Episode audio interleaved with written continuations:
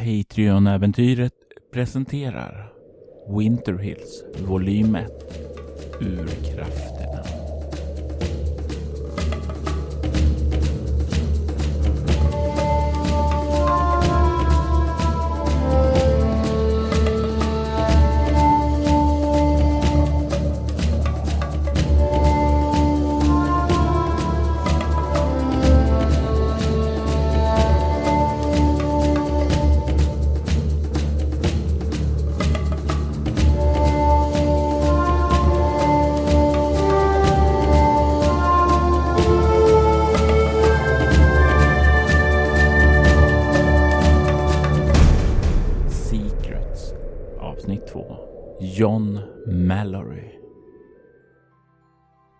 Fartyget Endeavour ligger i hamnen.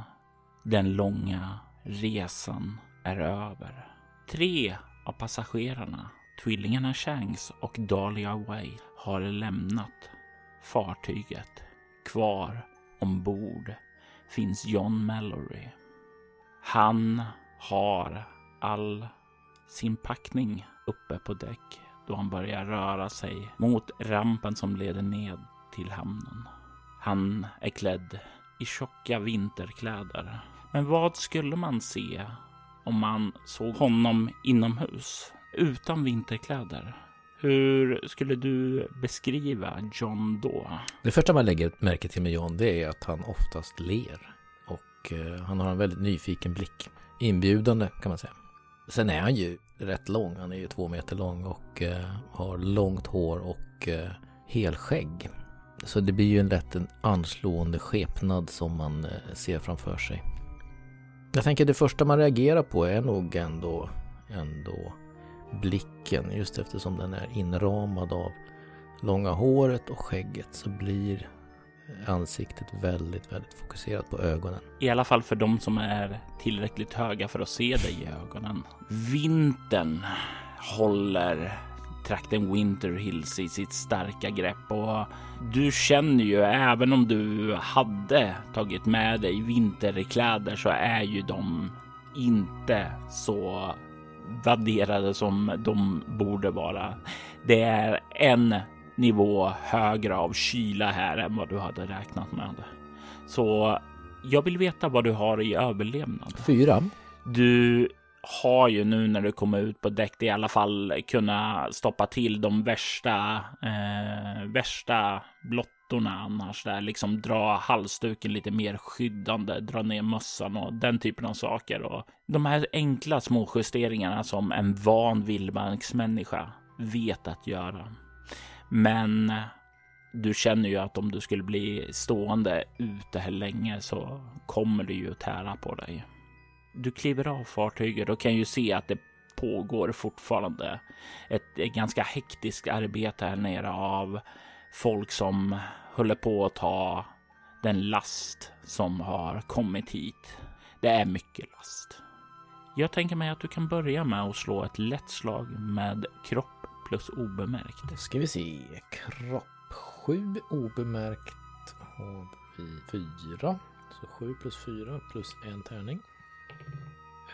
13 blir det till sist. Och eftersom du har en specialisering som är uppmärksam så får du slå två tärningar. Just det. Okej, det var en sån. Då lägger vi till två till, så då är uppe vid 15. Du spanar ut över hamnen för att se efter något tecken som eh, indikerar på att någon skulle vara här för att hämta upp dig. Och du kan se lite längre in hur det stannar till en eh, bandvagn. Tänk dig en sån här ordentlig fordon som har såna här rullband med snökedjor som är byggd för att klara ganska hård terräng. Den verkar stanna och parkera där. Och det verkar inte vara en del av den personal som verkar hålla på med lasten här. För de reagerar inte alls på den. Ja, jag tänker ju då att eh, jag ska ju bli upphämtad här. Eh, jag trodde väl kanske ändå att eh, Jekaterina Leonova skulle hämta mig personligen. Men det vet jag inte. Hon kanske sitter inne i bandvagnen där. Eh, Så jag tar min sjömanssäck, eh, slänger den över axeln och traskar fram mot eh, den här bandvagnen. Och eh, när jag är typ 10 meter ifrån den så vinkar jag och tittar och försöker fånga ögonen eh, på eh, den som kör helt enkelt. Och det ler brett också. Du kan ju se när du kollar där att det, det verkar vara en kvinna där inne. En kvinna som är i kanske 25-30 års åldern. Det är definitivt inte Jekaterina Leonova för hon är för ung där. Eh, som hon ler tillbaka emot dig och du kan se hon vinkar åt dig och gör en gest och uh, ungefär som kom in, kom in. Ja, då kliver jag fram till eh, bandvagnen och så öppnar jag på passagerarsidan. Eh, och så slänger jag in min eh, säck i baksätet. Och när jag gör det så inser jag att oj, satte någon där bak. Så kanske jag knockar dem med min säck. Men du har tur för det sitter ingen där bak utan du kan se att själva bandvagnen verkar eh, fylld med lite lårar och sådant som eh, finns paketerade där. Ungefär som om den här personen har varit och handla innan den kom fram hit då. Eh, du kan höra hur kvinnan säger eh, Välkommen Mr Mallory. Mitt namn är Gre Greta Starkweather. Hejsan Greta, det var trevligt att du kom och hämtade mig. Det, var, det är ju uh, lite kallt, det är kallare än jag trodde här faktiskt. Eh, jag hoppar in här och sätter mig på en gång. Eh, ja, lå, låt mig slå på värmen lite mer. här. Ser hon justerar lite på instrumentpanelen där samtidigt som hon eh, börjar att backa lite bakåt där. Eh, jag, jag, skulle framföra eh, så många ursäkter från eh, Leonova. Eh, hon, hon hade någonting som var väldigt, väldigt viktigt och hon eh, bad mig att välkomna dig på bästa möjliga sätt. Ja, toppen, toppen. Ja, jag ska ju vara en stund så att det, det, det är väl ingen brådska att träffa Jekaterina Leonova. Hur, vad, vad, vad, kallar ni henne? Kallar ni henne Jekaterina eller kallar ni henne Leonova? Eller vad, är, ni, är det formellt eller är det informellt? Hur, hur, hur är det med det där? Jag vill vara korrekt. Det är väl beroende på vem på basen du frågar. Eh, vi assistenter brukar kalla henne Dr. Leonova. Eh, jag vet att eh, Mariah, hon kallar henne Jelena. Uh, Mariah? Eh, Mariah är den som kommer arbeta under dig. Hon eh, hjälper till med eh, säkerheten där ute. Ja, ja, okej. Okay. Ja, vad trevligt. Trevligt att man inte är själv om det. Ja. Är det alltid så här kallt här eller? Ja, i alla fall nu under vintern här. Det är lite kallare, men det är under rätt normal temperatur ändå. Det är brukar väl bli nedåt minus 40 nu under december, eh, så det är inget konstigt. Här. Jag vänjer mig väl. Jajamensan, det kommer du göra. Och du kan ju se nu hur bilen börjar eh, köra igenom den här lilla, lilla småstaden. Du kan se att det lyser från olika byggnaderna och det är ju vissa byggnader som sticker ut här. Eh, de, den som sticker ut mest är ju den höga eh, fyravåningsbyggnaden i mitten av staden som är byggd på en kulle dessutom. De flesta andra hus här är antingen envåningsvillor eller möjligtvis två. Så den här sticker definitivt ut. Du kan ana två lite större stenbyggnader här också som verkar finnas lite längre in i staden där. Eh, lite gammalmodiga hus som verkar ha byggd i två flyglar. Långt i väst så kan du ana ett fyrtorn som sträcker sig upp också verkar lysa och det finns ett annat torn här också, men det ligger ute i havet. Det här oljeplattformstornet där. Ja, Miss uh, Starkweather.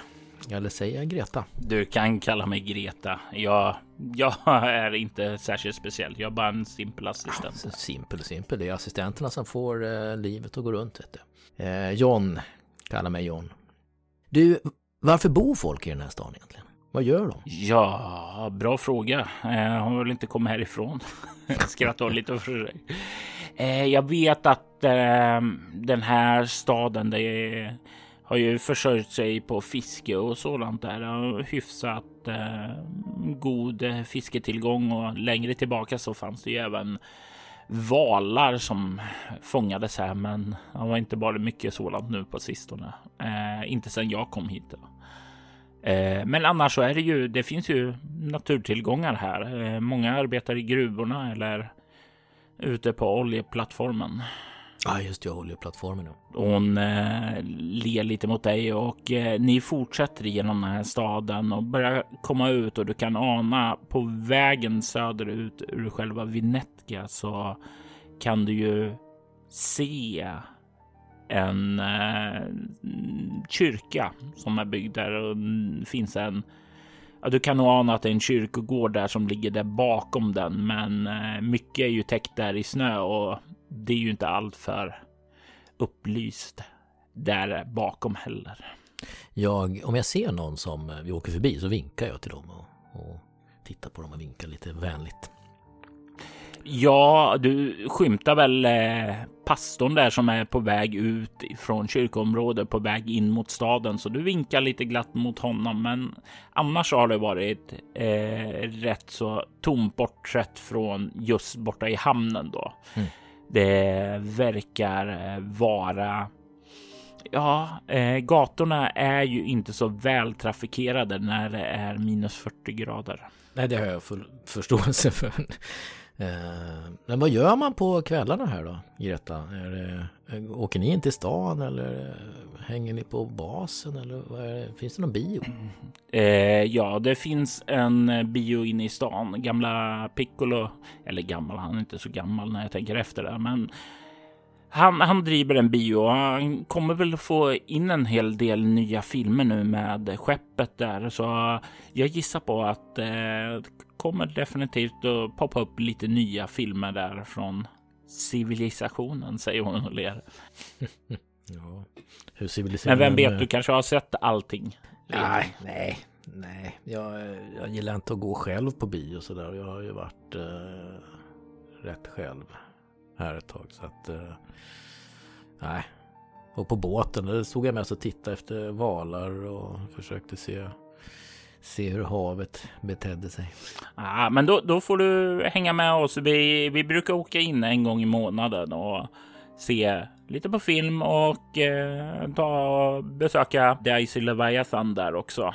Eh, de brukar ha en talangkväll. Eh, några ungdomar som brukar uppträda där. Det är lite trevligt, bryter lite Ja, kanske en monotona vardagslunken ute på basen. Nej, men det låter jätteroligt. Det ser jag fram emot, eh, verkligen. Kanske man kan åka med hela gänget. Det är alltid kul att lära känna folk. Ja, eh, absolut, absolut. Vi brukar alla åka bortsett då från eh, ja, eh, Dr. Leonova och, och sen är det ju alltid någon kvar på basen där eh, för att liksom hålla lite koll på det om det skulle hända någonting. Ja, det låter ju alldeles utmärkt tycker jag.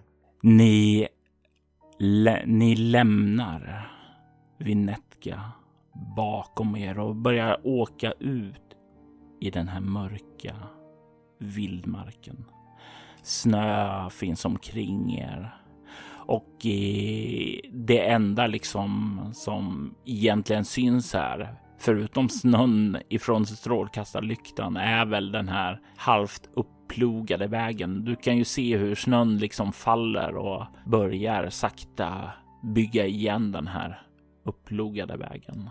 Ni har ett vagt sällskap i bilen av eh, radioprataren Kate som eh, mellan låtarna verkar droppa små, små visdomsord som värmer miljön lite extra i bilen. Hon har en väldigt behaglig röst att lyssna på. Så eh, var kommer du ifrån? Innan du kom hit alltså? Alltså, jag vet inte vad jag ska säga och var jag kommer ifrån. Jag har ju drivit omkring, flackat omkring i USA och Europa också för den delen länge. Så att, eh, jag vet inte, jag... Ja, Europa kan vi säga. Så innan jag kom till USA och sen så har jag åkt omkring och sen så fick jag kontakt med Jekaterina Leonova. Uh, och hon erbjöd mig den här tjänsten så att jag tyckte att ah, det, det här låter ju, låter ju spännande.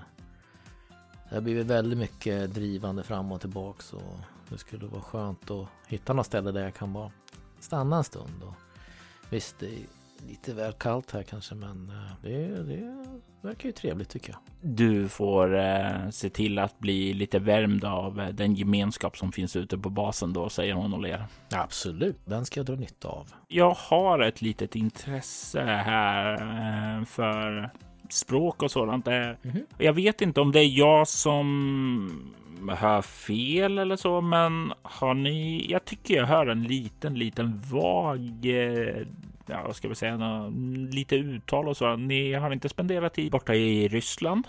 Ja, jag var väl eh, där en kort stund. Eh, jag, det är det här med dialekter. Alltså jag plockar upp dialekter lite här och var. Och, som en papegoja vet du. Man härmar och sen så eh, kan man inte släppa det. Jag var i Sverige en stund och efter det pratade jag som, som svenska kocken vet du. Det, det är hopplöst. Jag kommer snart att prata precis som ni här uppe. Alltså det, det, är helt, det är helt knasigt det där. Eh, den här Kate, Robin, Kate Robinson på radion förresten. Mm.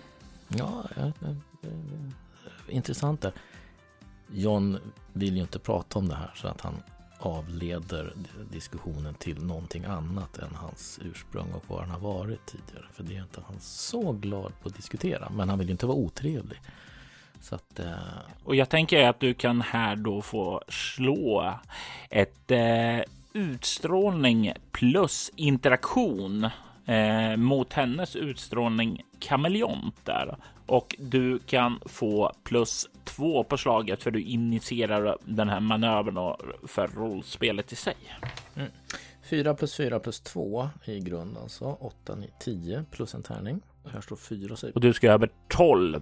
14 kommer jag upp i. Du kan eh, se att hon eh, verkar släppa det och du får ju en känsla av att det är inte som så att du liksom helt kollrar bort henne, utan du får snarare känslan att hon plockar lite upp att det är någonting som du inte vill prata om, så då slutar hon att prata om det. Väldigt hänsynsfullt eh, tycker jag eh, och noterar det. Ett annan sak som du kan notera är ett resultat på ett lätt slag med kropp plus stridsvana för medan ni åker så är det någonting som händer där ute i mörkret och jag vill se om du upptäcker det. 7 plus 6. Ska vi se, stridsvana 6. 13 plus en tärning. 13, 17 är det då och lätt är ju då 10. Nu är det ju så här då att stridsvana är ju en specialisering jag har så jag ska egentligen slå två tärningar, stämmer det? Jajamensan, din eh, specialisering uppmärksam är väldigt relevant här. Slår en trea så jag är uppe i 20. Och det är ett perfekt slag. Oh, fint. Du kan känna när ni sitter där och talar att det, det, är någonting som plötsligt känns fel. Det är en känsla av någonting i maggropen får den här känslan precis lugnet innan stormen att börja tillta inom dig. Vad är det första du gör när du känner den här magkänslan? Jag eh, skruvar ner radion stänger av. Eh, och sen så säger jag eh, någonting känns lite konstigt Greta. Jag vet inte, hör, hör, du något speciellt? Och så försöker jag lyssna. Så vi behöver inte slå för det, men jag, liksom, det är min reaktion. Liksom, att speja ut och lyssna. Med ditt perfekta slag så kan du ju höra där ute, den kalla vinden som blåser. Men det är något annat ljud där också. Något ljud som inte görs utav vinden. Det är ett ljud av snö som knarrar nästan, men det är ett knarrande ljud som... Ja, det tog, tar dig några, några sekunder att inse att det verkar vara utifrån skrovet på den här bandvagnen som det här ljudet låter som knarrande snö som närmar sig bakifrån uppåt mot eh, dörrarna där ni sitter. Jag eh, trollar nästan lite läskigt vant fram eh, min eh, kniv. Min stridskniv. Du kan se hur eh, Greta kollar liksom på dig när du gör det. Hon verkar hålla sig lugn i alla fall och skärpa till sig eftersom hon, hon är ju informerad om att du ska bli säkerhetschef på basen och det gör ju att hon direkt faller in i en eh, position under dig som liksom bara lyder och väntar på vad du ska göra. Eh, Greta, jag tycker det låter som att det är någon, någonting på väg mot bandvagnen. Eh, är det bara jag som hör i syne här eller? Du hör ingenting? Jag kan inte höra någonting. Nej. Eh, vill du att jag bromsar eller gasar? Tryck på gasen lite så, så ser vi. Så det är säkert bara jag som inbillar mig. Det, det är nog ingen fara. Hon håller ett stadigt tag i ratten och du kan se hur hon trycker ned foten lite så att fordonet accelererar framåt. Du hör motorn accelerera. Du känner hur allting drar lite hårdare framåt. Men det här ljudet, det avtar inte och du kan se nästan när du kikar lite utåt genom fönstret. Det är nästan som skuggor liksom börjar kravla sig närmare bandvagnen som glider upp nästan så du skulle be vilja beskriva det som tentakler som glider upp längs sidan av bandvagnen. Eh, Greta, har du någon, eh, har du någon eh, ficklampa eller lampa, inte ficklampa, en stark lampa, någon lykta här någonstans? Hon pekar ned på golvet eh, vid positionen där du sitter precis vid dörren där och säger där borta finns den. Jag greppar lyktan där och, och, och tänder den och så sveper jag ut mot de här tentaklerna för att se vad det här är. Se om de försvinner när jag lyser på dem eller om, det, om de är kvar. När du lyser mot den så kan du se att den försvinner inte, men de ryggar lite undan ifrån det. Du ser hur den börjar kravla uppåt delvis och nedåt. Det blir lite grann som du splittrar den här tentakeln och att den blir lite svagare. Slå på så mycket ljus du kan. Det, det, det sitter väl strålkastare på, på taket. Och hon för upp handen där och liksom drar igång det och lyser upp hela alltet. Och var har du din uppmärksamhet när hon gör det här? Snett bakåt över axeln så jag sitter ju på höger sida då så jag tittar snett bakåt åt höger. Du kan se de här skuggorna piskar till och de släpper lite grann ifrån själva fordonet. Det är som om den har bestått av några få stora tjocka tentakler som nu liksom kastas undan och börjar splittras ut i många smala små sådana istället. Kan du köra fortare eller är vi på max? Jag ber om ursäkt alltså, jag, jag, jag är säkert nojig. Men... Du säger det där och i nästa ögonblick så hör du hur Greta och du hör i nästa ögonblick hur hon börjar slita ratten åt sidan och jag vill veta vad du gör. Eh, jag, jag tittar ju framåt då. Jag antar att hon håller på, vi håller på att köra på någonting och eh, försöker se vad det är vi håller på att köra på. Du hinner med ditt perfekta slag tidigare så hinner du få runt blicken och se att det mitt på vägen står en kvinna.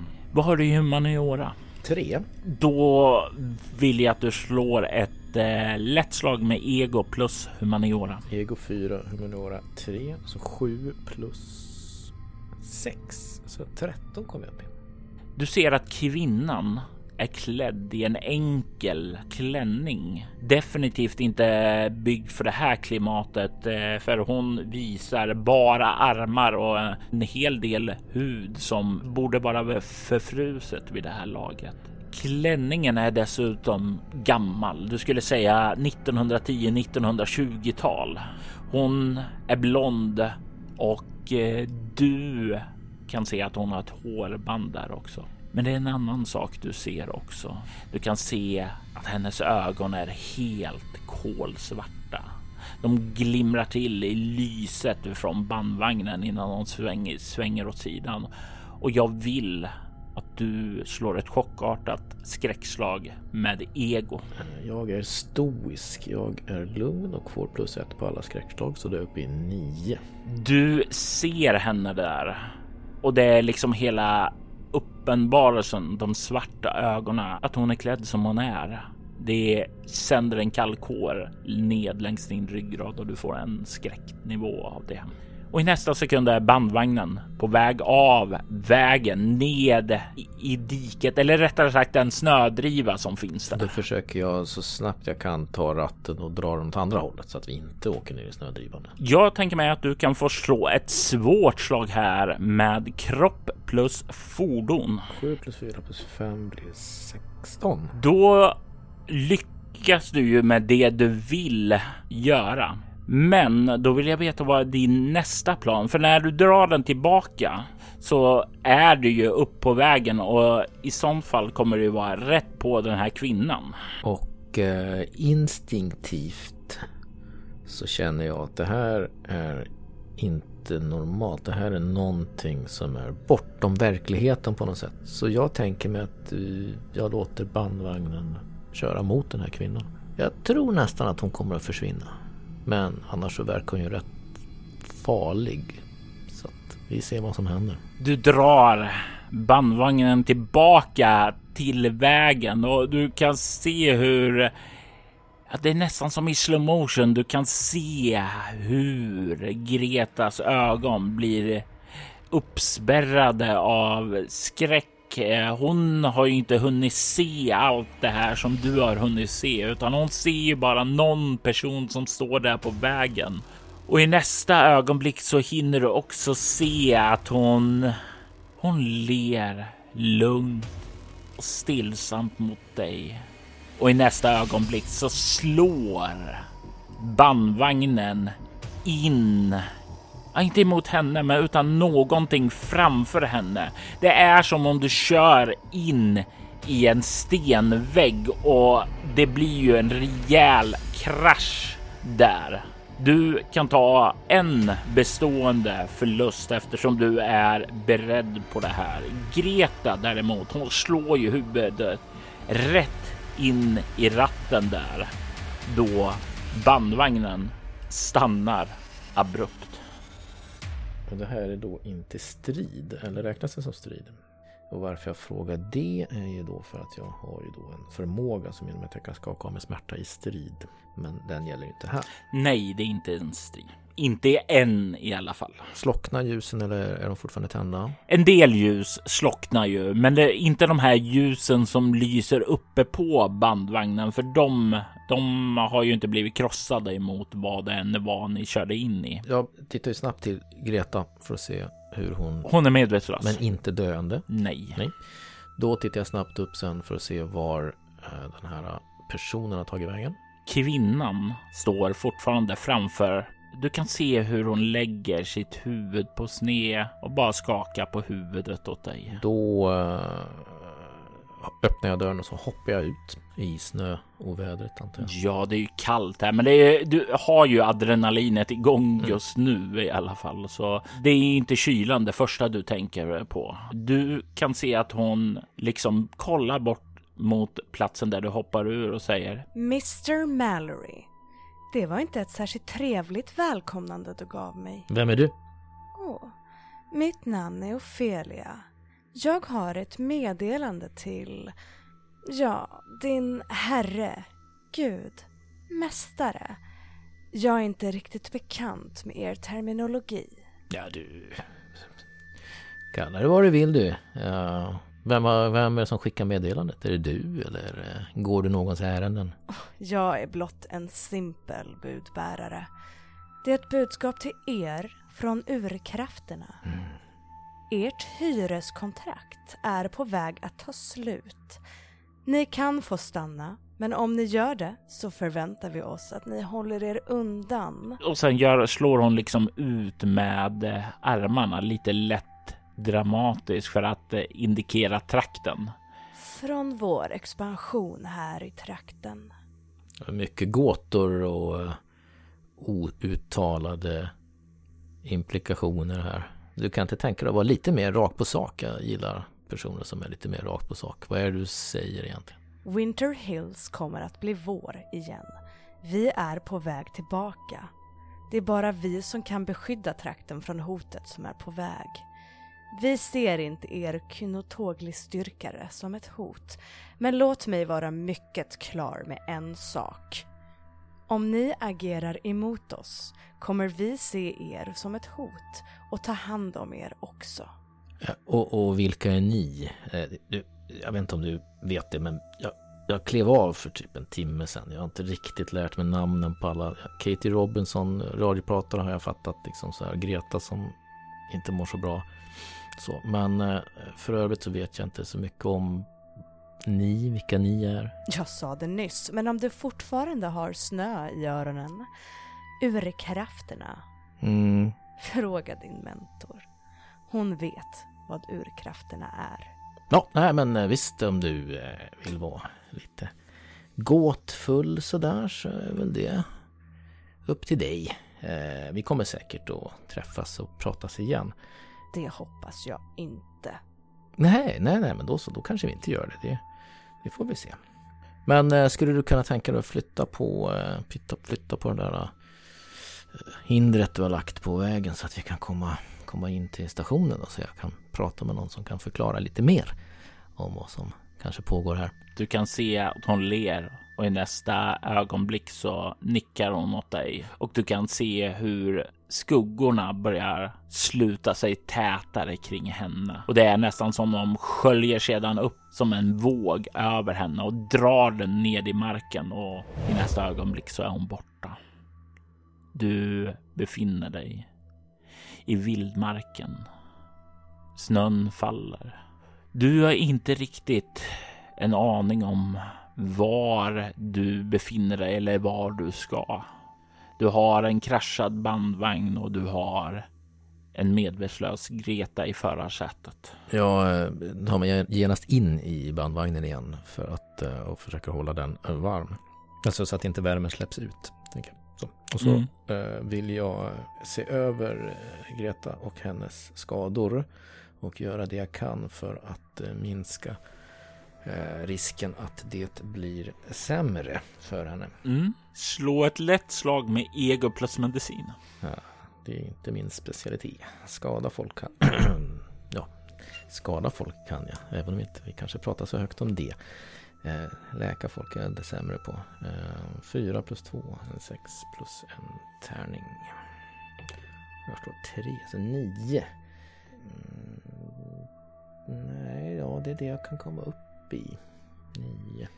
Nio. Det innebär ett marginellt lyckat och jag vill veta om du i det här liksom efterspelet har mött den här personen. Om du liksom fokuserar dig, drar samman dig och fokuserar dig tillräckligt för att eh, känna dig skärpt nog för att få den bästa möjliga vården för Greta. I sånt fall så får du en bestående förlust i utstrålning. Annars så är det någonting som kommer gå förbi dig. Jag tar den. Eh, för jag blir... Eh, jag känner skuld över att hon eh, är skadad. Det är ju ändå mig hon skulle hämta och det var jag som drog i ratten. Och ja, det är ju jag som ska vara chef för säkerheten. Så att jag känner mig... Känner som att jag gör ett dåligt första jobb här. Så jag tar en, en förlustig förlust i utstrålning. När du kollar över henne så blir du ganska snabbt eh, på det klara med att hon troligtvis har en form av hjärnskakning och det vore väl bra om hon inte var medvetslös då. Eh, du kan även se att hon av den här smällen framåt troligtvis har fått någon spricka i reben också. Så det första du känner är så här att hon borde nog väckas här om det inte ska bli sämre. Jag försöker ju väcka henne då eh, genom att eh, dels så, jag pratar med henne och eh, alltså inte skaka om henne. Alltså, hon har ju hjärnskakning så jag ska liksom inte hålla på och skaka på henne. Utan liksom eh, jag tar fram så mycket av mina jag kollar ju vad som finns i bandvagnen och eh, sätter den på passagerarsidan. Om inte det finns en brits bak i bandvagnen. Det finns det faktiskt. Det är en rätt välutrustad bandvagn här. För då lägger jag henne på, på britsen och sen så eh, letar jag reda på eh, filtar, för det finns några filtar där. Mm. Och tar eh, så mycket jag kan från min, eh, det lilla jag har i min sjö, sjösäck, sjömanssäck.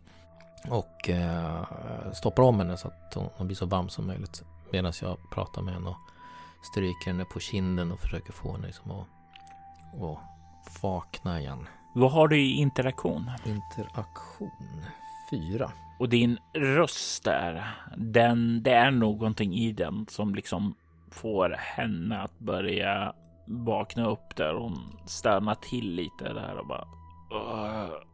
Vad va, va hände? Eh, det vet jag inte. Eh, jag måste prata med eh, doktor Leonova om det. Eh, men eh, vi kraschade och det var, det var mitt fel. Eh, men eh, du, eh, du har en hjärnskakning och du har ont, det förstår jag. Men du måste hålla dig vaken tills, tills vi kan ta oss till, till väderstationen. Jag ska se om jag får igång bandvagnen igen. Det finns en radio här va? Alltså en, en, en radio prata med folk, inte lyssna. Ni förstår ju att det fanns en. Det finns, finns en kortvågsradio. Ja. Stämmer det? Topp. Eh, absolut. Men ligg still. Kvinna, det var, var en kvinna. Ja, nej, men det var, det, det, var, det var något, det var något konstigt. Det, det var något konstigt. Tänk inte på det nu. Uh, det där får vi gott om tid att prata om när vi kommer till väderstationen. är jag helt säker på. Men ligg ner, men somna inte. Eh, eller rättare sagt, ligg inte ner i så fall. För då, då sätter vi dig upp. Och så pratar vi hela tiden. Du pratar med mig. Greta, var kommer du ifrån? Och sen håller jag på sådär liksom och pratar med henne. Var kommer du ifrån? Åter till frukost. Eh, gillar att köra fort. Alltså så här fåntratterier. Liksom. Bara så att hon inte ska somna. Medan jag försöker få igång eh, kortvågsradio. Ja, eh, jag tänker mig att du först då kan få berätta för mig vad du har i teknologi. Eh, teknologi. Eller mekanik. Eh, samma i båda, jag har två i dem. Och det är nog där för att veta hur en kortvågsradio fungerar där. Sedan vill jag att du slår ett eh, lätt slag med eh, utstrålning plus kameleont för att se lite grann hur mycket ditt eh, fåntratteri eller vad det var du kallade det här, faktiskt ändå plockar upp detaljer ifrån hennes mm. liv då. Fyra är kameleont och uh, utstrålning där eftersom jag är stressad och skuldbelägger mig själv lite så har jag bara tre det nu. Så att fyra plus tre är sju plus en tärning. Och det blir en femma. Så 11 då? Nej, 12. Och, och det är nog definitivt för att du ska plocka upp lite i det här och det är ju någonting som går naturligt för dig. Alltså, du är ju väldigt uppmärksam och du plockar alltid upp saker. Även om det inte är det som är ditt primära mål så är det ju definitivt någonting som sker automatiskt. Din hjärna registrerar det samtidigt som du försöker ta fram kortvågsradion där. Du kan höra när du tagit ner den här eh, lilla anropningsdosan där hur eh, Greta säger åt dig vilken frekvens som väderstationen ligger på. Eh, jag pejlar in den och sen så eh, anropar jag. Eh, hallå, hallå. Eh, är det väderstation? Bandvagn, kraschad bandvagn anropar väderstationen i Vinetka. Hallå, hallå. John Mallory här. Hallå, hallå. Du kan snart höra på andra sidan. Detta är väderstationen. Ni talar med huvudassistent Poe här. Eh, en kraschad bandvagn säger ni. Eh, hej Poe. Jag, jag, John Mallory heter jag. Jag är säkerhetschef. Ny säkerhetschef. Eh, Greta kom och hämtade mig från båten och vi har kört på någonting på vägen. Eh, Greta är skadad. Jag vet inte vilket skick bandvagnen är i. Och jag vet inte riktigt var vi är. Sådär. Eh, men det är trevligt att träffas eh, så här. Eh, så det ska bli kul att ses när, när jag kommer fram också. Men um, har ni en till bandvagn ni skulle kunna skicka? Jag antar att vi är längs vägen. Så att säga, om ni kan skicka en bandvagn till. Greta har brutit några revben och har hjärnskakning. Och, och sådär. Och, vi har ja. ingen mer bandvagn. Vi har några snöskotrar och sådant där som vi skicka ut. Men skulle du kunna börja med att kolla vilket skick bandvagnen är? Jag kan skicka ut Mariah för att se om hon kan reparera det eller om vi behöver ta till mer drastiska åtgärder. Eller om det, ni bara kan fortsätta. Ja, ja, jo, det är klart jag borde väl kanske ha kollat. Eh, men eh, alltså bandvagn är inte riktigt min grej. Vänta, jag ska, jag ska eh, gå och, och kolla här. Är Greta okej? Okay? Ja, okej okay, och, hon är inte okej. Okay, okej. Okay. Är okej, är okej. Jag har alla tår och fingrar kvar, hör du där bakifrån. Ja, det är tur. Hon har huvudet kvar också. Det är väl det bästa. Du kan höra hon skratta till där först och sen så hör du bara när hon känner av revbenen där. Ja, nej, men det får bli lite, lite film och, och lite, lite uh, gemenskapsaktiviteter uh, för Greta framöver här tror jag. Men, uh, men det ska nog inte vara någon fara så länge vi kommer fram till uh, väderstationen tänker jag. men vänta så ska jag gå ut och, och bara kolla lite. Greta, du kan väl stanna här inne va? Gå ingenstans. Du, du ska inte gå någonstans. Sen hoppar jag ur eh, vagnen och bara kollar hur det ser ut där. Uh, motorn uh, och allt det där. Uh, med allt är krossat eller vad det. Jag tänker mig att du kan få slå ett lätt slag med ego plus mekanik. Fyra plus och mekanik var dålig på. Fyra, fem, sex. Så fyra plus två plus en tärning och jag slår en 4. 4 plus 2 plus 4 är 10. Du kan ju se att eh, merparten av fronten där är ju kraschad. Alltså du har inga ljus överhuvudtaget där framme, vilket gör att sikten kommer vara definitivt eh, ja, eh, begränsad. Det andra som du kan lägga märke till är att eh, den här bandvagnen har haft en liten sån här snöplog eh, där framme också, där för att underlätta färden framåt. Den har blivit krökt och böjd och den är liksom nästan nedkörd i marken där och så länge den sitter kvar där så är det som ett, eh, en kloss som håller eh, bandvagnen fast. Den måste monteras bort där och det kommer ju göra att eh, det blir lite svårare att köra ut i vildmarken där också. Men annars så verkar inte motorn i sig alltför skadad. Okej, men då uh, hoppar jag in igen och så... Uh, hallå, hallå! Det är John här igen på uh, radion. Uh, vad sa du hette? Poe sa du eller? Det stämmer bra. Jesaja Poe. Jesaja Poe. Jag tänkte precis tänkte fråga det. Det är ju ett trevligt namn. Eh, du, eh, snöplogen sitter fast i backen här så jag kommer att behöva försöka skruva av den eh, innan vi kan fortsätta. Och eh, det kommer nog gå ganska långsamt. Eh, jag vet inte, hur lång tid Alltså vi har passerat kyrkan och sen åkte vi in tio minuter sådär. Hur långt kvar tror du vi har? Jag har kollat upp eh, det medan du var ute för det finns eh, en GPS-koordinat på själva bandvagnen så det är en, eh, ni har svängt av från huvudvägen nu så det är väl ungefär en 45 minuter kvar ut till väderstationen. Jag har sagt åt Mariah att packa ihop och ta en eh, skoter ut till er med utrustning, mekanikerutrustning. Så hon kommer så fort som möjligt där. Superbra. Och sedan får ni väl eh, ta och eh, göra er bästa utifrån det så följer hon med och så får vi hämta snöskoten sedan då. Ja, men det blir alldeles utmärkt. Eh, kan, du, kan du se till att det görs i ordning så att eh, Greta kan få eh, eh, eh som, ja, att någon tar hand om henne. Det finns väl någon läkare på stationen hoppas jag. Hans eh, Bauer, han, han är kunnig inom det området där. Eh, jag har redan också sagt till honom att ställa i ordning det. Superbra. Det viktigaste är att hon kommer, eh, kommer in. Sen jag kan alltid, jag kan alltid hämta senare. Greta är det viktigaste till att börja med nu. Och sen hoppar jag ur, eller rätt sagt jag går tillbaks och frågar Greta var eh, verktygslådan, var är den någonstans? Peka. Och hon eh, pekar bakåt och säger ja, men den finns där. Eh, och du kan se att hon verkar ändå ganska klar på det hela. Just det här ordet du har sagt att du har hjärnskakning och så. Du måste hålla dig baken. Alltså, hon verkar veta exakt vad det innebär det här och, hon eh, är tillräckligt eh, disciplinerad i sig själv för att faktiskt eh, kämpa emot det här viljan att somna. Det här går ju bra Greta. Du har du haft hjärnskakning förut. Du ser ut att vara expert på det här.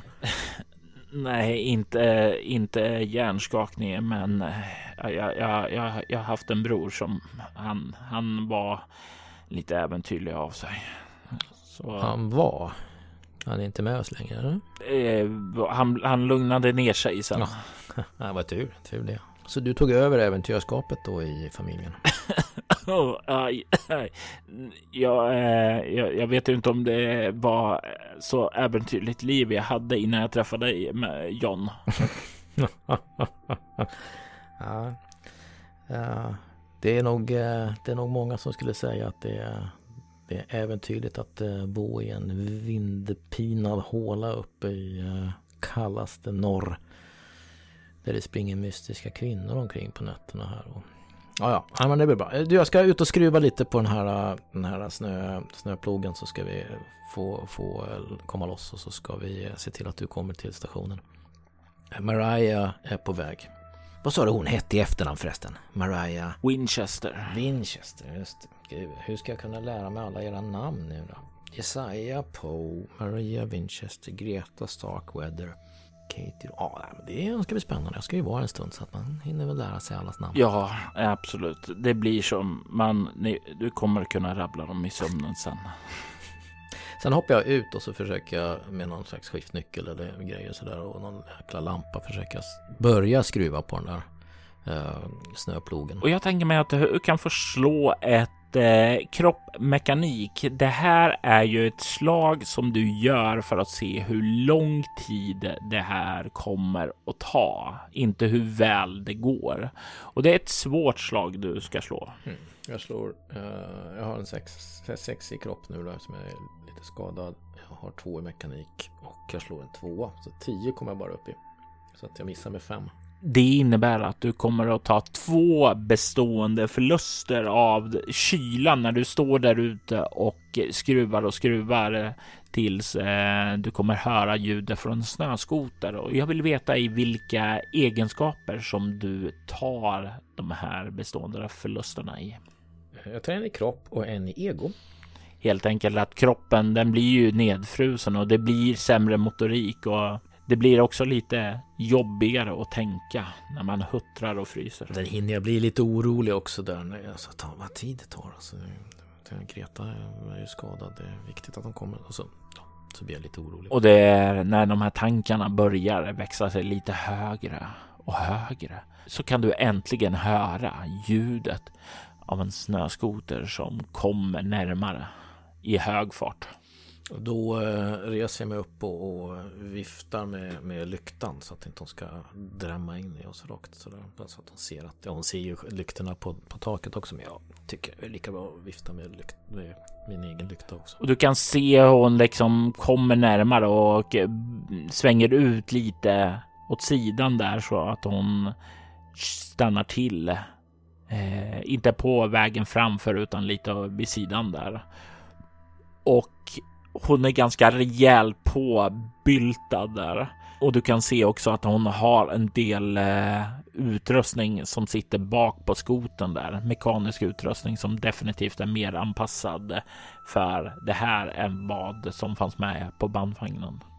Hon tar upp den och börjar kliva fram emot dig och när hon liksom kommer fram till dig så sträcker hon fram handen och säger Eh, Mr Mallory? Stämmer bra det. Det är du som är Mariah va? Absolut, absolut. Eh, vi kommer få lära känna varandra mera nu, men jag tänker att eh, artighetsfraserna får vänta. Vi fixar det här först så att vi kan ta oss iväg. Absolut, jättebra. Eh, Greta sitter där inne i vagnen. Visa mig vad du har gjort.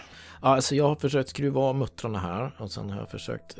Alltså jag tror nog nästan den här biten måste kapas för att vi ska få loss den här. Så det har böjt till sig något rejält. Alltså. Ja, det låter som en korrekt slutsats där. Eh, du kan se om vänder sig om till eh, vänder sig om till eh, sin utrustning och börjar ta fram eh, en eh, skärbrännare där och, som hon börjar tända upp där.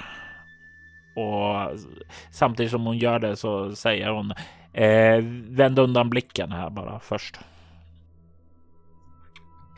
Yes, jag, eh, jag, jag gör helt enkelt så att jag går in och, och eh, säger till Greta att tjena Greta nu, nu är Mariah här så att uh, nu har hon satt igång svetsen så nu, nu, nu är vi snart härifrån. Var lika trevlig som vanligt? Alltså hon, ja, hon sa att vi skulle hälsa sen så att jag antar att hon uh, kanske är fokuserad på uppgiften. Men... Uh, jag, jag, väntar väl också på det där sen. Jaså, ja, ja. ja nej, men då, får vi, då får du och jag uh, göra slag i saken sen och gadda ihop oss och försöka bli kompis, mer kompis med Mariah. Jag tror, tror hon behöver någonting som lättar upp. Hon är så fokuserad bara på jobbet där. Jag tror hon behöver slappna av lite. Det låter ju som en utmaning tycker jag. Men just nu så är det du som ska slappna av och känna, känna dig lugn så att inte du... Äh, nej, inte... nej, det är en dålig idé. Då, då kommer jag somna här. Ja, det har du rätt i faktiskt. Ja. Det har du faktiskt rätt i. Utanför så hörs ju ljudet av de vinande vindarna. Men de har fått sällskap i sin symfoni av ljudet ifrån Marias arbetande där ute. Du kan höra en kudunk då den första delen av den här plogen verkar falla av då och du kan höra hon rör sig till andra sidan och börjar arbeta. Jag hoppar ur och sen så uh, säger jag till Mariah, ropar lite. Det ser jättebra ut det här. Jäklar vilken fart du har.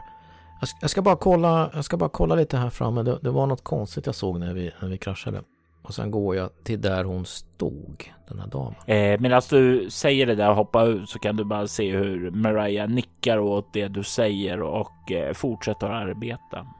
Du kommer fram till där damen stod och du kan se att det där, det är någonting som är annorlunda där. Du kan se, ja, för det första två stycken nakna fotavtryck finns där i marken.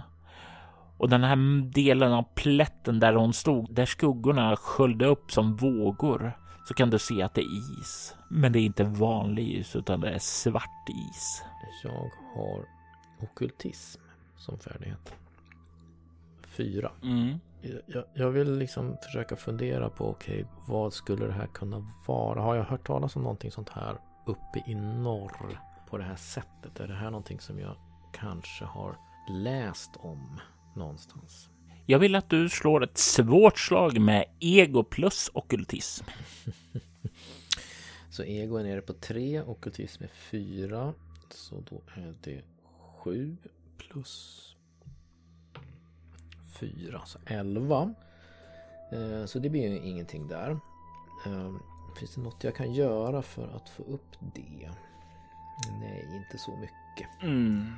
Du hade behövt slå en sexa för att få ett marginellt lyckat. Mm. Och du kan inte dra dig till minnes någon form av eh, ja, varelse eller kraft eller något sådant. Du vet ju däremot att det finns en del folk som kallas för esoteriker. Alltså folk som använder magiska förmågor. Och sedan så finns det sådana som du som brukar kallas för avatarer. De som är berörda av någon krafter. Som i ditt fall då, till exempel att du är berörd av Kynotoglis, välsignad med lite gåvor för att eh, skydda ditt hem. Och det det är väl de typer av övernaturligheter som du är bekant med. Mm. Ja, jag återvänder till bandvagnen. Det här får ju jag prata vidare med eh, Leonova, doktor Leonova om. Så jag går och tittar lite hur det går för Mariah där. Och du kan se när du liksom vänder dig upp och på väg tillbaka där hur hon nästan triumferande skär igenom det sista och det, den här plogen dunkar till och landar på marken där. Och, och hon kollar upp emot dig. Hjälp mig att dra den här åt sidan. Absolut. Och sen så eh, tar jag eh, hjälper henne att släpa den så att den eh, hamnar i diket eller vad det nu är på väg. Ni drar den iväg diket där och eh, du kan se också hur Mariah kliver baka till skoten och verkar hämta en liten Ja, det ser ut som en flagga eh, som hon fäster ut i marken där. Hon eh, verkar trycka någonting där och du kan se hur ett litet ljus börjar eh, blinka där. Eh, GPS eller? Ja, eh, så vi kan hämta tillbaka och laga den där och då vet vi också var vi hittar skoten. Jättesmart. Eh, ni är smarta här uppe på eh, Vinetkas väderstation. Jag, jag skulle väl inte kalla mig själv smart, men eh, praktisk. Ja, men då får väl jag kalla dig smart då helt enkelt. Det är väl eh, bra om någon gör det. Men eh, ska vi eh, köra vidare då eller? Du kan se hon nickar och sen så börjar hon bara lomma iväg till passagerarsätet. Om jag tolkade henne rätt där så är hon inte så road av eh, min, eh, mitt snack. Du får en känsla av med, med din eh, kameleont på fyra, va? Stämmer bra det. Så får du en känsla att det, det här är en person som är mestadels business and no pleasure. Alltså det är väldigt, väldigt så här inriktat på nu gör vi det här och sen så skippar vi skitsnacket. Alltså allt det här annat är bara distraktioner där. Det ska bli en nöt att knäcka. Ja, du har ju knäckt hårdare nötter än eh, Mariah definitivt under ditt liv. Både bokstavligt och eh, symboliskt. Ni kommer in i bandvagnen som ärligt talat har förlorat en hel del av sin värme med tanke på att du har varit in och ut ur den ett par gånger nu. Men det är definitivt varmare här inne än där ute. Du drar lite i tändningen och du kan höra hur den har problem att komma igång. Det blir så här du får försöka igen och det är först på tredje gången som du hör hur den startar upp och du kan köra den. Jag försöker följa vägen där. Vi åker väl inte så himla fort. Har du kört bandvagnar tidigare? Nej. Det har jag nog inte. Det är ändå en rätt specialiserad typ av fordon som, som eh, inte... Även om jag har kuskat runt i, i olika ställen där det har funnits eh, vinter så är ju skoter jag har kört. Men, men bandvagn, nej det, det, det har jag inte gjort. Men det är väl som att köra bil tänker jag. Så att det är, bara lägger i någon gas där och trycker lite på knappar. Absolut, det är bara att köra som en bil, bortsett från de små områden där det inte är det. Jag vill att du slår ett lätt slag med ett kroppfordon med minus två. Eh, fem är nere på kropp, fordon, fyra, alltså nio, tio, elva. Minus två. Oh, då blir det nio. Jag hade rätt i minus två, så alltså nio kommer jag upp i. Och det är ett marginellt lyckat slag. Och jag kommer ge dig ett val här. Vill du ta ytterligare en bestående förlust för att undvika intermesson på vägen hem och göra färden tillbaka odramatisk? Ja, jag tycker det har varit dramatiskt nog här.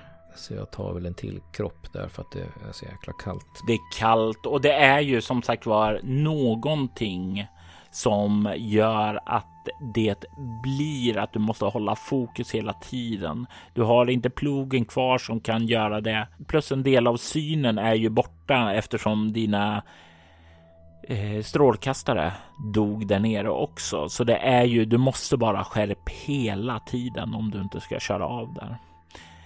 Kan höra bakifrån Eh, hur Greta verkar tala lite med eh, både dig och Mariah för att hålla sig vaken där. Även om det i ärlighetens namn är väl mer respons från dig som håller dig fokus på ratten och sådant än vad hon får från Maria. Där är det mer så här korta mm, ja, mm, nej, eh, svar då istället. Mm. Men det, det, det är ändå positivt. Känslan av att vara på väg mot eh, platsen som jag ändå har hoppats att jag ska kunna stanna på nästan platsen som jag hoppas att jag ska kunna kalla mitt hem. Och nu när det börjar hägra sådär så, så börjar det ändå kännas bättre och bättre ju närmare vi kommer. Eh, men det är ju kallt och det är slitsamt och ja, det har inte blivit precis som jag hade tänkt mig. Ehm, kanske lite drama men inte den här sortens drama. Du kanske kan slappna av lite i alla fall. För nu kan du äntligen se de starkt upplysta strålkastarna som finns runt den lilla väderstationen. Du kan snart se hur staket omgärdar ett par byggnader. Två små byggnader eh, som finns på ja, kanterna av det här avhägnade området vid den gallergrind som vägen leder fram till. Du kan se att det finns en väg som leder in där, en, ja, en liten vändplats där också och sedan där inne en väg som leder in i en av de här byggnaderna som verkar vara ett garage. Då. Rakt fram bortom den här vändplatsen så kan du se den breda två våningar höga byggnaden som verkar vara huvudbyggnaden. Till vänster om ingången så kan du se en annan byggnad och jag vill veta vad du har i naturvetenskap. Nej, jag sov på de lektionerna. Jag har ett i den. Du kan ju se att det verkar finnas massa ja, paraboler och antenner på taket där i alla fall. Mm. Det verkar väl kanske finnas någon form av eh, forskning som pågår där inne då. Har jag riktigt tur så är det ju där de tar in eh, satellit-tvn eh, helt enkelt. Så att man kan få se lite schyssta matcher. Vilken typ av matcher? Fotboll, baseball, hockey? Hockey?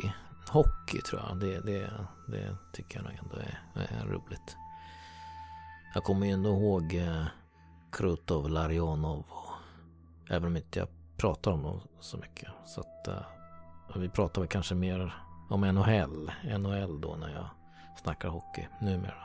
Men det ryska arvet i dig. Det som du eh, har med dig men som du inte talar om. Det, det finns ju där ändå inom dig. Djupt skyddat från omvärlden. Du kommer fram emot den här basen och du kan se hur Mariah tar kortvågsradion och eh, anropar Poe där för att säga åt dem att öppna grinden. Vi är på väg in och eh, den här dörren glider upp och du kan köra rätt in samtidigt som eh, Mariah gör en pekande gest bort emot eh, garaget att du ska köra in där. Ja, jag eh, kör ju sakta in mot garaget där och väntar tills de öppnar den då innan jag kör in med, med bandvagnen där. Och Mariah hoppar ju ut ur själva bandvagnen där och hon går och öppnar den. Och när du kör in så stänger hon bakom er kan se där inne när du liksom stannar bandvagnen att det står en man där redo med sjukhusutrustning och du kan se att det finns en eh, bår där också som står redo. Ja, jag, jag hoppar ju ur, småspringer snabbt till uh, bak uh, aktern på, på bandvagnen. Uh, för där antar jag att det finns en dubbeldörrar eller någonting sånt där som jag öppnar. Mm. För att vi ska få ut Greta så fort som möjligt och få in henne i värmen. Ja, och den här mannen Hans, han kommer ju närmare då och gör bara en nick åt dig och säger eh, Mr Mallory. Kalla mig John, kalla mig John. John säger han och eh, sen så kommer han fram då och ser Greta och säger Men Greta, inte som din bror. Och hon bara, eh, det, ah, jag orkar inte nu Hans, du får lugna ner dig. Han bara, ja, men vi ska tala mer om det här sen. Ja, ja, ja. ja. ja jag talar också gärna mer om det här sen. Ja. Han låter ju som en spännande karl den där brorsan. Men eh, om du lyfter där och, och så, så hjälps vi åt här så får vi över ner till båren. Så kan jag ta de där två handtagen. Sen tar du de andra. Du hör Greta eh, muttra någonting om oh great, nu är det två personer här. Eh, samtidigt som Hans skrockar lite för sig själv och kliver fram och eh, hjälper till och ni kan ta och lyfta över henne på båren där då och eh, börja bä, lyfta ur henne och han, ja, du kan höra Hans säger till dig. Okej, okay, vi tar in henne till eh, huvudbyggnaden. Eh, dörren rätt till vänster leder in i kliniken där. Mm. Jag tror nog jag får gå längst bak eh, för annars kommer hon att luta bakåt. Du, du ser ju ut att vara lite kortare än vad jag är.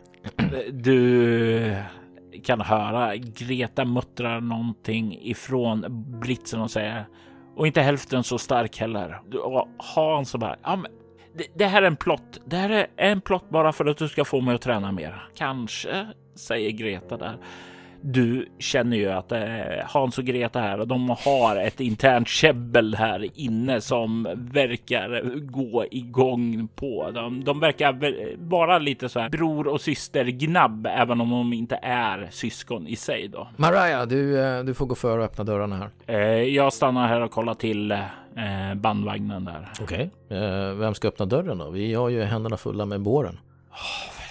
Du kan höra hon muttrar för sig själv bara jag öppnar den här så öppnar Jesaja borta vid byggnaden. Mm, det låter som en alldeles utmärkt idé. Toppen. Och hon öppnar garageporten där så att ni kan ta er ut i det kalla vädret. Precis innan jag går ut uh, så bara tittar jag över axeln och så, uh, så halvropar jag till Mariah. Och du Mariah, mm. tack för att du kom och hämtade oss. Jag uppskattar det jättemycket. Tack. Och det är någonting där som uh, det är lite grann att någonting i henne börjar smälta lite, lite grann där. Men inte nog för att uh, blotta hennes fasad. Nej, Åtminstone inte än.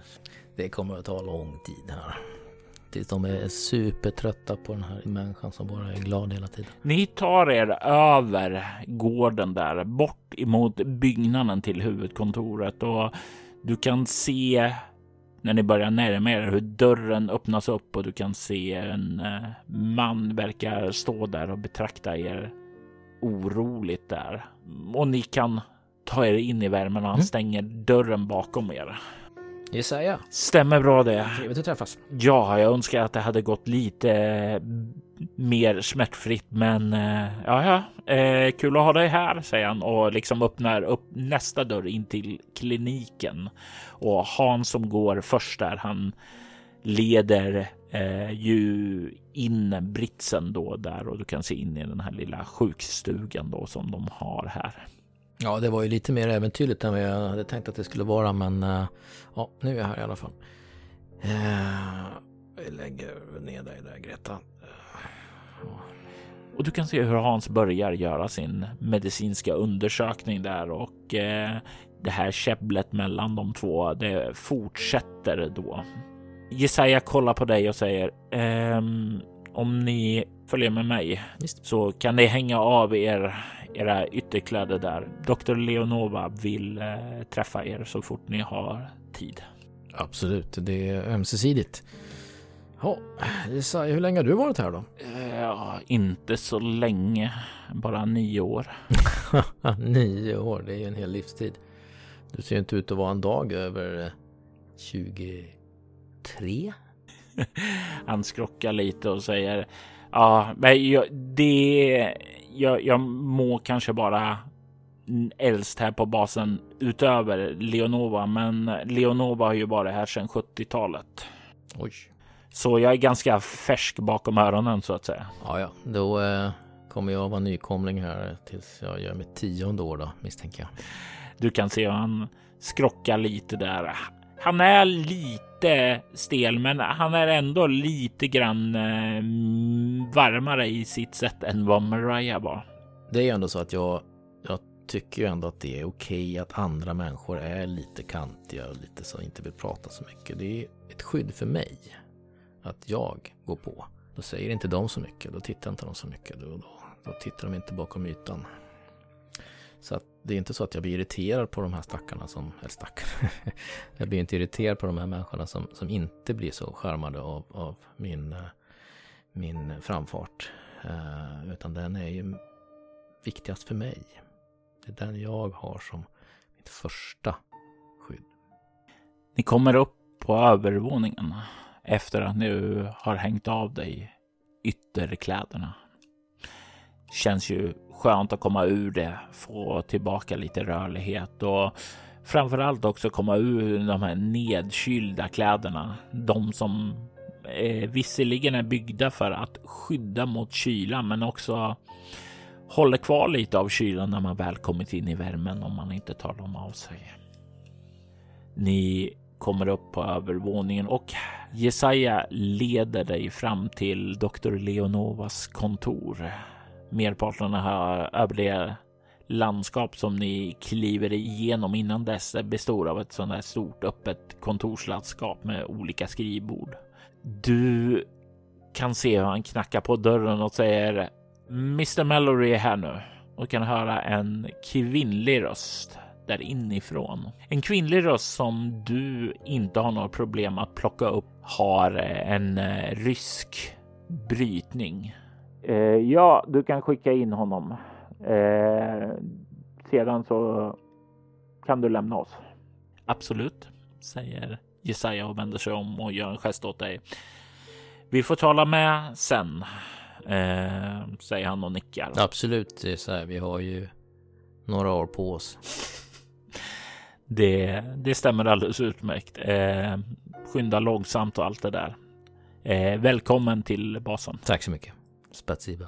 Han eh, eh, hajar till där och sen så liksom bara och sen så faller ner. Just ja, eh, han måste ju säga så där därför att eh, han har läst upp om vem Leonova är. Ah, okej, okay, det makes sense. Och sen så verkar han kliva undan där. För till skillnad från Greta så har inte han plockat upp din svaga, svaga dialekt.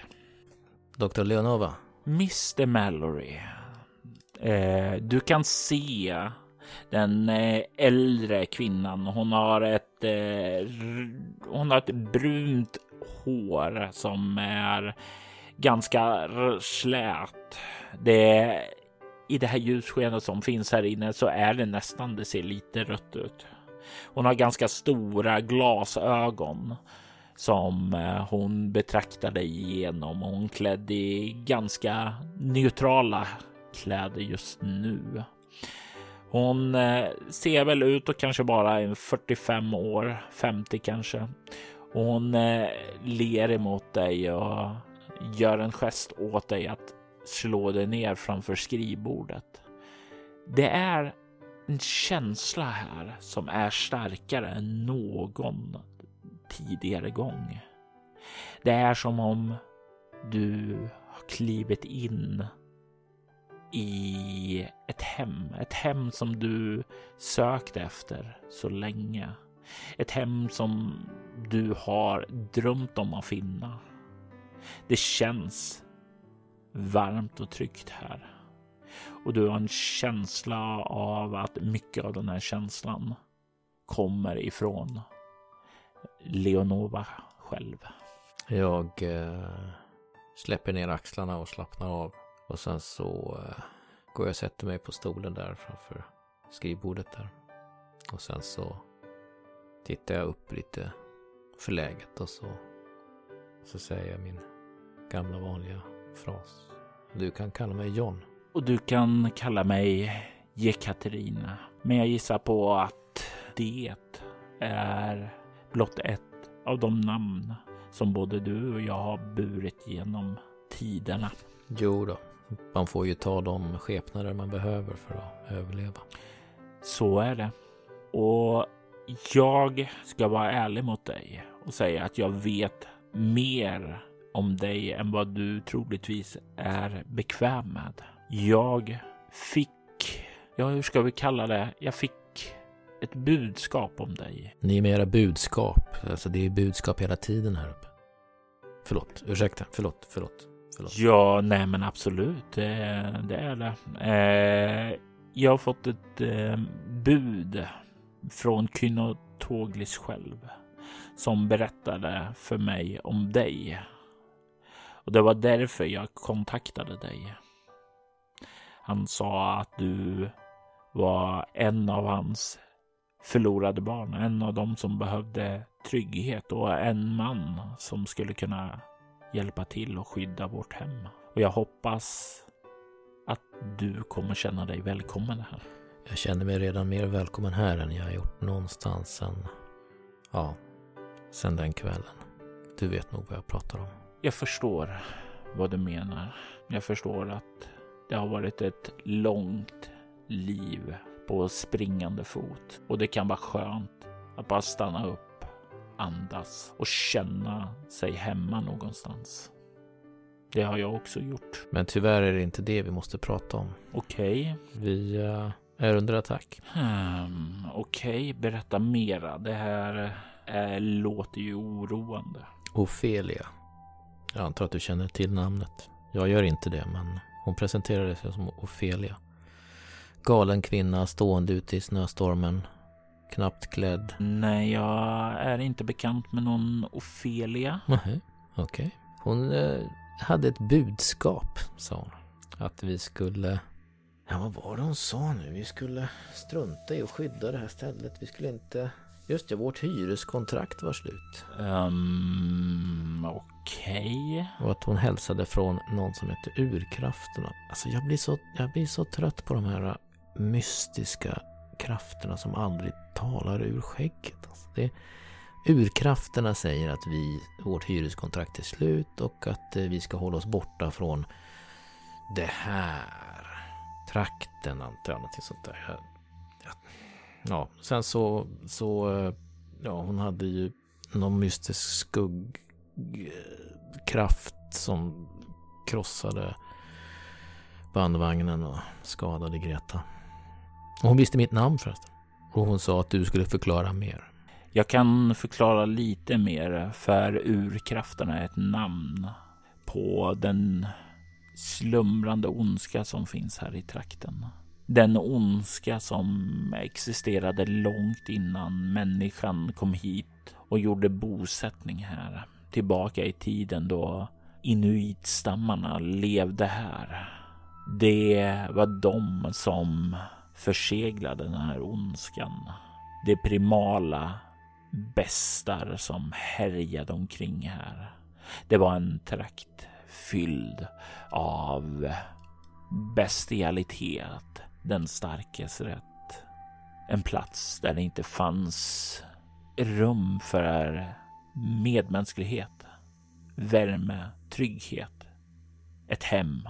Det har skett försök av urkraften att vakna tidigare. Men det här är första gången, vad jag känner till, som de verkligen har agerat handgripligen. Och det är definitivt någonting att oroa sig för. Vad är det vi har betalt för det här hyreskontraktet?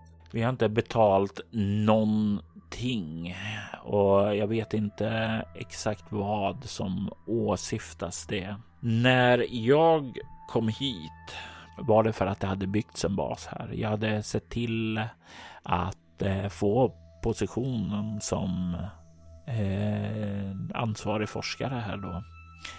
Det här var en plats som Kynotoglis hade sagt åt mig att det här är en plats vi måste bygga vårt hem på.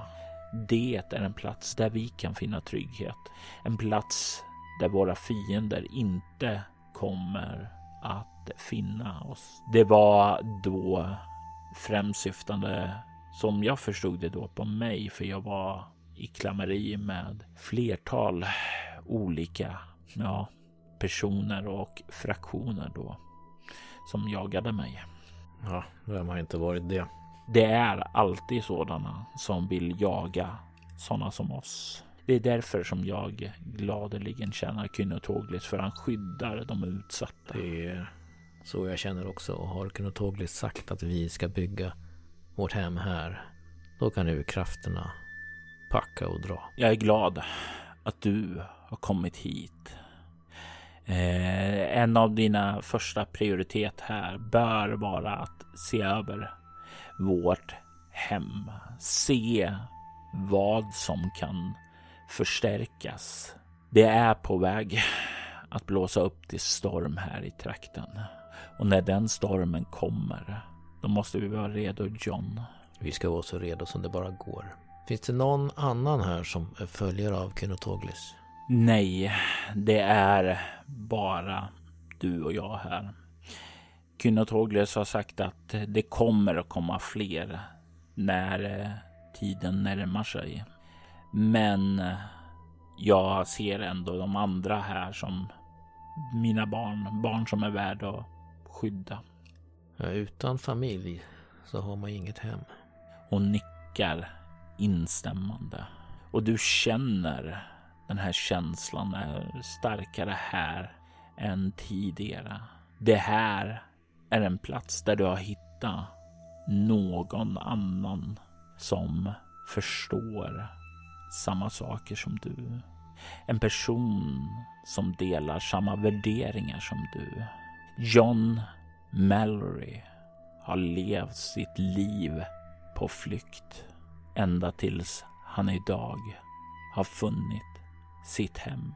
Han har funnit Kynotoglis hem och här så kommer han att göra sitt bästa för att skydda det ifrån urkrafterna. En bra bit utanför Vinnetka så rörde sig Ofelia närmare kusten. Hon hörde vågorna skvalpa. För även om det var kallt här så hade havet sitt eget liv och kunde inte tämjas, inte ens av kylan. Hon kunde snart se den man som stod där på stranden. En man i ålderdomliga kläder. Till och med ålderdomligare än hennes egna. Hon klev ut på den steniga stranden och ställde sig bredvid honom och betraktade det mörkblå havet. Jag har framfört varningen till Kynotogli-styrkarna nu. Vad är vårt nästa steg? Jag har redan funnit kristallen och renat den.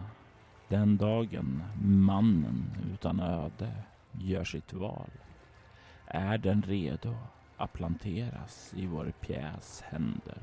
Utmärkt. Och artefakten? Snart. Jag vill bara att du gör en sak först för att vi ska kunna slutföra den. Jag vill att du söker upp Bill Mason och tar hans röst.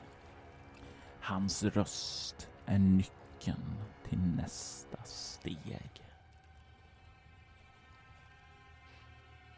I detta avsnitt hörde du Magnus Eter som John Mallory och Emily Drotz som Ophelia Black. Winter Hills är en berättelse skapad och spelad av Robert Jonsson till rollspelet Bortom som ges ut av Myllingspel. Avsnittet klipptes och ljudlades av Robert Jonsson. Winter Hills temamusik skapades av Andreas Lundström från Sweden Rolls och Riddles in the Dark. Ni hittar hans musik på Spotify och Soundcloud. Övrig musik i detta avsnitt kom från Vlog Songs och var copyright free. Vi vill även ta tillfället i akt att ta och tacka er som backar detta avsnitt på Patreon. Och ett särskilt tack till Martin Stackelberg, Mia Gibson, Ty Nilsson, Daniel Pettersson och Daniel Lantz för det stöd som de har givit. Mitt namn är Robert Jonsson. Tack för att ni har lyssnat.